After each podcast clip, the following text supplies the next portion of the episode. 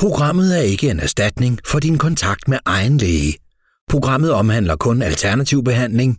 Kontakt din egen læge, hvis du er syg.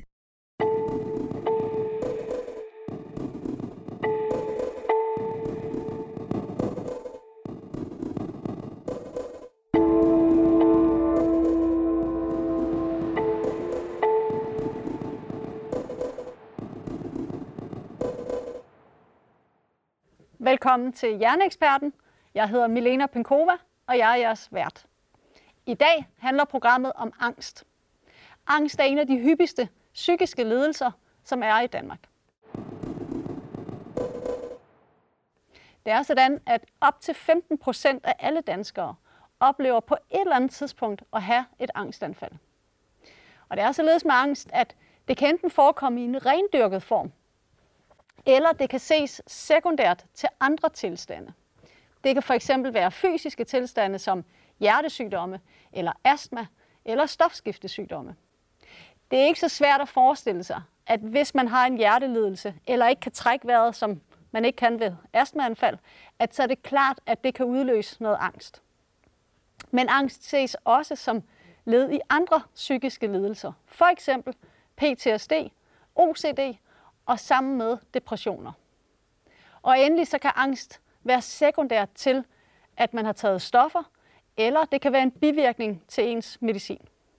Så der er mange typer af angst, eller mange årsager til, at man kan have angst. Men for langt størstedelen, der er det jo altså en indre proces, der går i gang. Og på den måde, der er angst anderledes end frygt.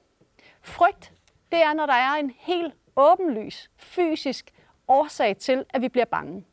Og frygt, det er gavnligt. Det er en overlevelsesreaktion. Hvis vi ser et farligt rovdyr, eller der er ildebrand i bygningen, vi er i, så er det gavnligt, at vi oplever frygt, fordi så overlever vi. Vi kommer væk derfra.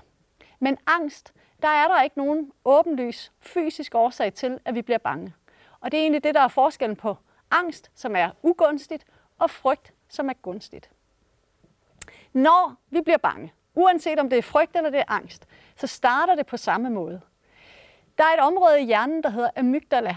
Og amygdala, det er en kickstarter i forhold til angstreaktionen. Når amygdala aktiveres, så aktiverer det det sympatiske nervesystem, og det genererer den reaktion, der hedder fight or flight. Der sendes noradrenalin ud i nervesystemet og adrenalin i blodet, og selve det vil afstedkomme nogle forandringer. Det får hjertet til at slå hurtigere, det gør, at man bliver anspændt i musklerne. Mavetarmsystemet, det bliver påvirket. Det går enten helt i stå, eller man får tynd mave.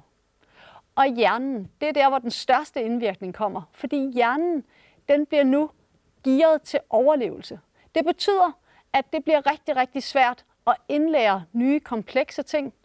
Hukommelsen, den lider også et stort tab, og det eneste, man kan fokusere på, det er egentlig at være på flugt. Man ved bare ikke selv, hvad man er på flugt fra. Og som om det her ikke var nok, så sker der også det, som led i reaktionen, at HPA-aksen aktiveres. HPA-aksen, det starter med hypotalamus, et område i hjernen, hvorfra der udsendes et signalstof. Dette signalstof virker som et hormon i hypofysen, og det får hypofysen til at udskille endnu et hormon, der hedder ACTH. Det udskilles til blodbanen, og med blodet når det ned til binyrerne. Resultatet af det er, at binyrbarken frigør stresshormon, kortisol. Og fra binyrmarven, der kommer der adrenalin ud i blodet. Så nu har vi en cocktail med adrenalin, noradrenalin og kortisol i kroppen. Og så galopperer angstanfaldet ellers derudad. Det her med at have forhøjet stresshormon, forhøjet kortisol, på kort sigt, der er det gavnligt. Der er det med til at gøre, at vi kan overleve i kritiske situationer. Men på lang sigt, der har det nogle skadelige konsekvenser. Det har det i immunsystemet, og det har det i nervesystemet. For immunsystemets vedkommende, der er det således, at langvarig forhøjet kortisol, det hæmmer immunsystemet. Immunforsvarets celler cirkulerer rundt med blodet hele tiden. Forlader blodbanen, går ud i vores væv og screener vævet for muterede celler, defekte celler, invaderende mikroorganismer, og de bliver så fjernet, hvorefter cellerne vender tilbage til blodbanen igen. På den måde kan de screene os hele tiden. Men når man gennem længere tid har forhøjet kortisol, så holder cellerne op med at forlade blodbanen, og så kan de ikke længere screene kroppen. Og det betyder, at kronisk vedvarende svær stress, det får konsekvenser i forhold til opståen af andre sygdomme. For hjernens vedkommende, der er det kritisk, fordi langvarig forhøjet kortisol, det virker som gift i hjernen. Det, der hedder de neurale netværk, det er forbindelserne mellem hjernecellerne. Dem bliver der færre af, når man er kronisk stresset. Og det er derfor, at det bliver sværere at huske, det bliver sværere at lære nyt, komplekst materiale, og hjernen er i den her tilstand, hvor man ikke helt kan genkende sig selv. Den gode nyhed er, at de neurale netværk, de er meget dynamiske, plastiske, fleksible. Modsat selve cellerne, de er ikke spor dynamiske eller fleksible, men forbindelserne mellem dem, de er. Og hvis man kommer ud af sin tilstand, ja, så har man chancen for at genopbygge de neurale netværk, altså forbindelserne mellem hjernecellerne, således man kan genvinde sin indlæring, sin hukommelse og sin evne til at bruge sin hjernes kognitive funktioner. Det er sådan med angst, at det kan enten komme i anfald, afløst af perioder, hvor man ikke har angst, eller det kan være kronisk til stede, altså vedvarende. De fleste tænker så, at det må da være en fordel at have det anfaldsvis, fordi så har man også gode perioder. Men det er ikke helt tilfældet. Selvom man har den anfaldsvise form, så vil de fleste udvikle forventningsangst i de gode perioder. Det betyder, at man har angst for, hvornår kommer det næste angstanfald. Man ved ikke, hvornår det sker. Man ved ikke, hvad der kan udløse det.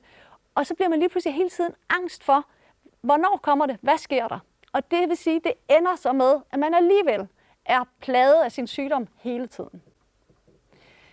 Nu vil vi gå over til at se på nogle kosttilskud, som du kan vælge at bruge, hvis du er plaget af angst.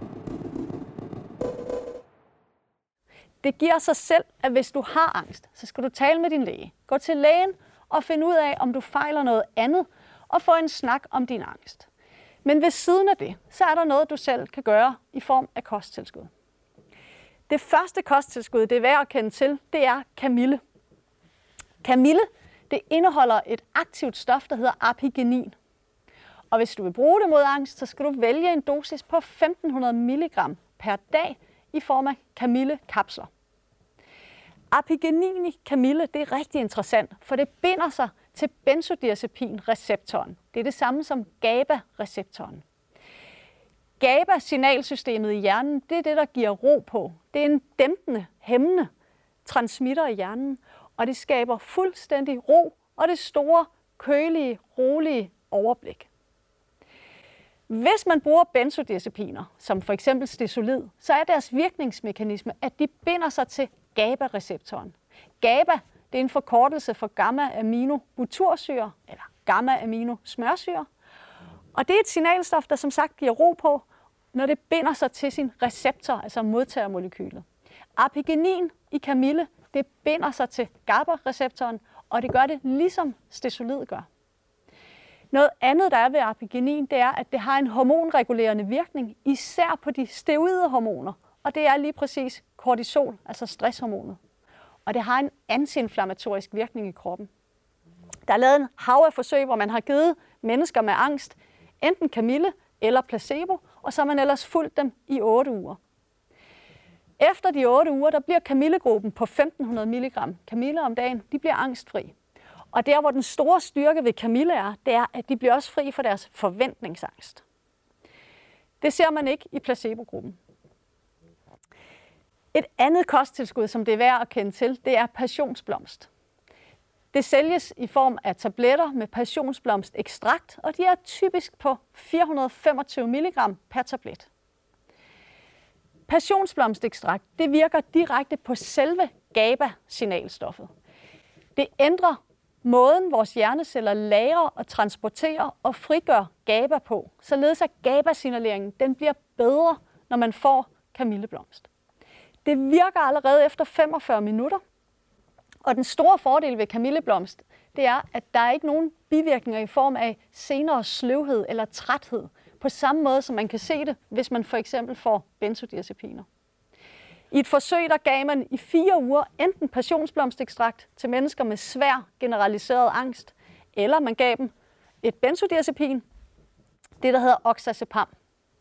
Efter de fire uger, der var lige stor effekt på angst af de to behandlinger, men passionsblomstekstraktgruppen, de slap for at have sløvhed i løbet af dagen, og de slap for alle de eftervirkninger, der kan være til benzodiazepiner, herunder også afhængighed, og det gjorde, at de kunne passe deres job eller deres studie, uafhængig af, at de havde fået ro på systemet. Det gør også, at hvis man for eksempel er pladet af eksamensangst eller præstationsangst, så kan man også med stor fordel bruge passionsblomstekstrakt. Det er som sagt noget, der sælges på, i tabletter på 425 mg, og dosis vil være 1-3 styk om dagen. Vælger du to stykker gangen, så skal du forvente, at du bliver så træt eller afdæmpet, rolig, at du kan gå hen og falde i søvn af det. Så man kan også bruge det som et middel til søvnløshed.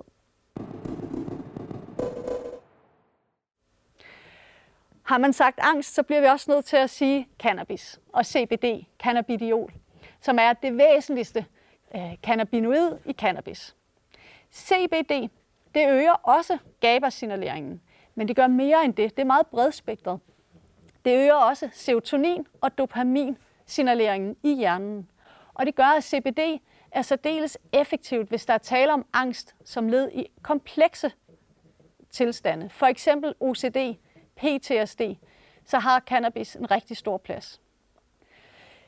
Dosis af det skal være typisk 50 mg CBD, og det er en stor fordel at bruge det som en olie, der kan drøbes under tungen, fordi man kan optage det via mundslimhinden. Et kosttilskud, som også skal nævnes, det er det, der hedder ashwagandha. Ashwagandha, det er ikke godkendt i Danmark, men det er til gengæld meget, meget stort i andre lande. I Sverige, i England, i EU-lande, i USA, der er det kæmpestort. Og det får relativt meget forskningsmæssig interesse. For det tilfælde, at det en dag skulle blive godkendt i Danmark, så er det nyttigt at kende til dets virkninger. Ashwagandha virker direkte på GABA-signaleringen. Det er en plante, hvor man bruger roden fra planten, og den indeholder noget, der hedder vitanolider og vitaferiner. Og de får hjernen til at signalere med GABA. Det er brugt i forsøg, hvor man har rekrutteret mennesker med svær PTSD, angst og depression, og der kan man påvise, at efter 8 ugers brug, der er det hele, alle deres symptomer, er reduceret til en fjerdedel af det, det var, da de startede på ashwagandha. Og det har en direkte stresshormonsænkende virkning i blodet. Se, de her kosttilskud, dem kan man altså vælge at bruge, men en rask hjerne, der ikke har brug for den slags, det er en hjerne, der har et velfungerende GABA signalsystem. Og hvis du gerne vil have det, så skal du også se på dit zinkindtag. For du kan ikke producere GABA uden at have zink til stede. Udover zink, så er B-vitaminfamilien også vigtig, især B6-vitamin. Så går du rundt med zinkmangel eller B6-vitaminmangel, så kan du faktisk ikke producere nok GABA, og det kan naturligvis være en medvirkende årsag til, at du overhovedet er havnet som angstpatient. Andre ting, du kan gøre for at hjælpe dig selv, det er at lave vejrtrækningsøvelser. Lav dybe vejrtrækninger, hvor du trækker vejret ind gennem næsen, holder to sekunders pause og puster luften ud gennem munden. Vejrtrækningsøvelser de reducerer hjertefrekvensen, og når der kommer ro på hjertet, så slapper hjernen mere af, fordi hjernen er enormt følsom for, hvad der sker hos hjertet. Hvis hjertet galopperer, som det typisk gør ved et angstanfald, så reagerer hjernen på det med, at der må være noget galt, fordi hjertet galopperer. Når du laver dybe vejrtrækningsøvelser, så får du hjertet til at slå langsommere og roligere, og det beroliger også hjernen. Du kan også bruge musik. Det skal være stille, rolig musik, der gør dig afslappet. Meditation er også en metode. Motion, nogle lange gåture, det er også væsentligt, fordi du brænder stresshormon af i situationen. Og så skal man ikke undervurdere betydningen af et kæledyr. Det er påvist, at hundeejere har mindre angst end ikke hundeejere. Og det skyldes, at når man er sammen med en hund, og især rører ved den bløde pels og har interaktion med hunden, så falder ens stresshormonniveau. Og det sker i løbet af ganske få minutter. Hjernens trivselstoffer de stiger også, når man er sammen med en hund. Og selv hvis du ikke selv har en hund, så kan du låne en hund eller besøge en hund, for besøgshunden de udløser den samme virkning i løbet af 15 minutter. Det var programmet om angst, og vi kan lige nå et ganske kort spørgsmål fra en af seerne, som skriver, hun bruger Camille imod angst, og vil nu gerne bruge det til sin søn, der også har fået angst. Problemet er, at Sønneke her kan ikke synke kapslerne. Så hun spørger, må man åbne dem? I udgangspunktet må du aldrig åbne kapsler, men lige Camille-kapsler, det er en af undtagelserne, og det må du faktisk gerne åbne, og så bliver det noget nemmere at indtage det. Det var programmet om angst, og vi har i dag set på især fire kosttilskud. Camille, som indeholder apigenin, dosis af 1500 mg om dagen. Passionsblomstekstrakt, det kommer i tabletter på 425 mg, dosis af 1-3 styk. CBD-olie, cannabis, som bruges i en mængde, så du får 50 mg CBD. Og endelig ashwagandha, som også hedder vinterkirsebær eller indisk ginseng. Men det sidste her, det er altså ikke lige godkendt i Danmark, men skulle det blive godkendt, så er det nyttigt at kende til dets virkninger. Det var programmet om angst. Tak fordi du så med.